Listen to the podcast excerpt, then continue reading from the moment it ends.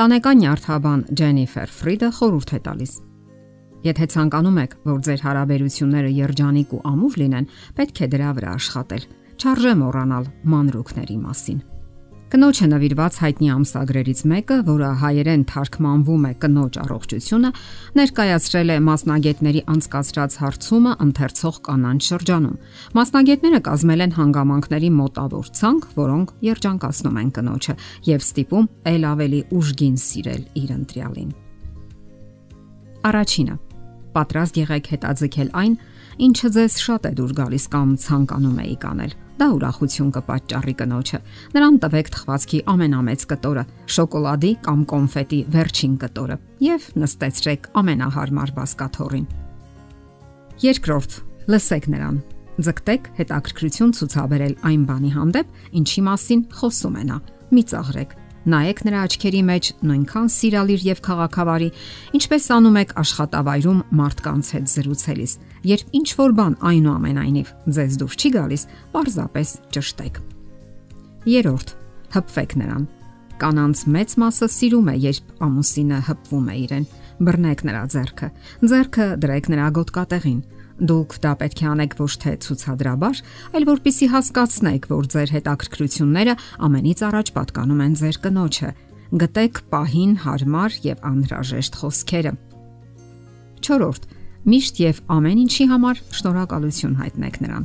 Եղեք շնորհակալ անznավորություն, հատկապես ձեր կնոջ հանդեպ Նա այնքան շատ բան է անում ձեզ համար ողջ օրվա ընթացքում։ Ողջ տնային աշխատանքը, ճաշ պատրաստելը, լվացքը, արթուկը, տուն մաքրելը նրա լիակատար պատասխանատվության տակ է։ Իսկ երեխաները Որքան նա ցանկանում շնորհակալական մի քանի խոսք լսել ձեզանից։ Մի զլացեք արտաբերել այդ մի քանի բառը եւ կտեսնեք, թե ինչ ուրախություն կճառագի նրա հոգնած աչքերում։ Դուք նրան այնպիսի թևեր կպարգևեք, որոնք կբարձրացնեն նրան եւ ցանկություն կունենա դեռ շատ ավելին անել ձեզ համար։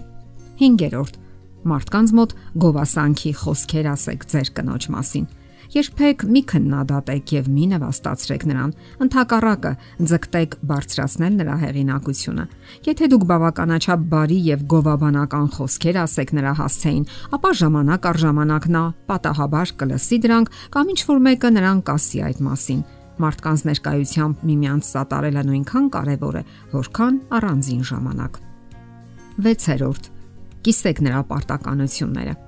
Ամուսնական հարցերի խորհրդատու մասնագետներից մեկն ասում է, որ ամուսնալուծությունները շատ հազվադեպ կլինեին, եթե ամուսինները սովորեին հարցնել. Ինչով կարող եմ օգնել քեզ կամ ինչ կարող եմ անել, որ այսօր երջանիկ օր լինի քեզ համար Միմյանց կարծիքներին արձագանքելը նշանակում է երբեմն հարդարել անկողինը, թափել աղբը եւ այլն։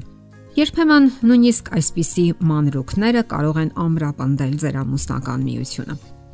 7-րդ Հասկացրեք նրան, որ պարզապես հիացած եք իրենով։ Ասացեք նրան, թե որքան հիանալի տեսք ունի, որքան տաղանդավոր է եւ բարի։ Հիացեք նրանով ցանկացած տարիքում եւ ցանկացած քաշի դեպքում Երբեք վերջին անգամ աչքով արել նրան կամ պարզապես ճպտացել։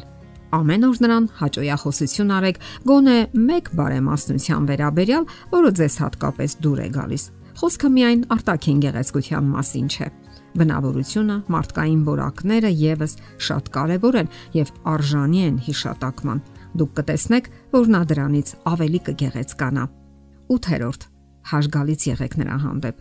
Եթե դուք իսկապես հարգում եք նրան, ապա զանգահարեք, երբ ուշանում եք աշխատանքի վայրում։ Ամիսը գոնե մեկ անգամ ինչ որ առիթով որևէ տեղ գնացեք միասին։ Խորհրդակցեք նրա հետ, երբ տուն եք հravirում որևէ մեկին։ Երբեք փաստի առաջ մի կանգնեցրեք նրան, թե հարկավոր է հյուրասիրել հյուրերին։ Եվ բոլորովին էլ հնաոճ չէ դուռը բացել նրա առաջ եւ վերցնել պայուսակը։ 9-րդ. Ստիպեք նրան ծիծաղել։ Ձեր կնոջն ուղարկեք հումորային տեսահոլովակներ Ընթրիքի սեղանի շուրջ ուրախ պատմություններ պատմեք եւ թույլ մի տվեք, որ նա տխրի։ 10-րդ. Հարգեք նրա անznական տարածքը։ Չնայած այն բանին, թե որքան ուժգին եք սիրում միմյանց, ձեզանից յուրաքանչյուրը պետք է ունենա իր անznական տարածքը։ Եթե կինը ցանկանում է գիրք կարդալ կամ պարզապես ինքն իր հետ լինել, մի խանգարեք։ Գնացեք զբոսնելու կամ խանութ, կամ էլ ֆիլմ դիտեք։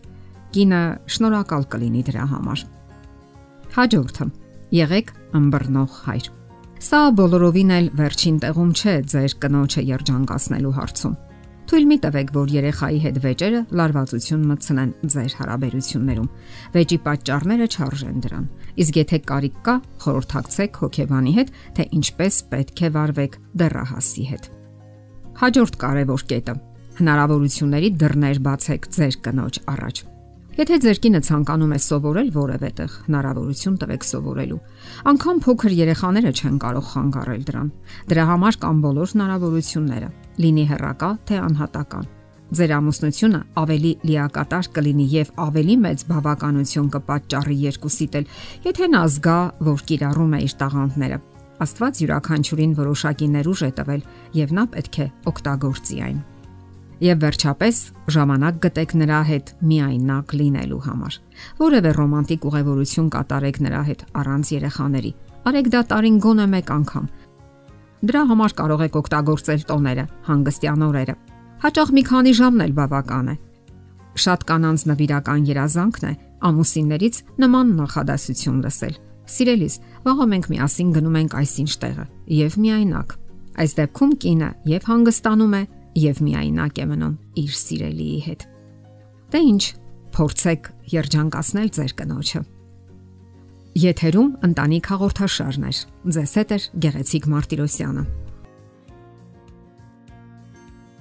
Հարցերի եւ առաջարկությունների համար զանգահարել 033 87 87 87 հեռախոսահամարով։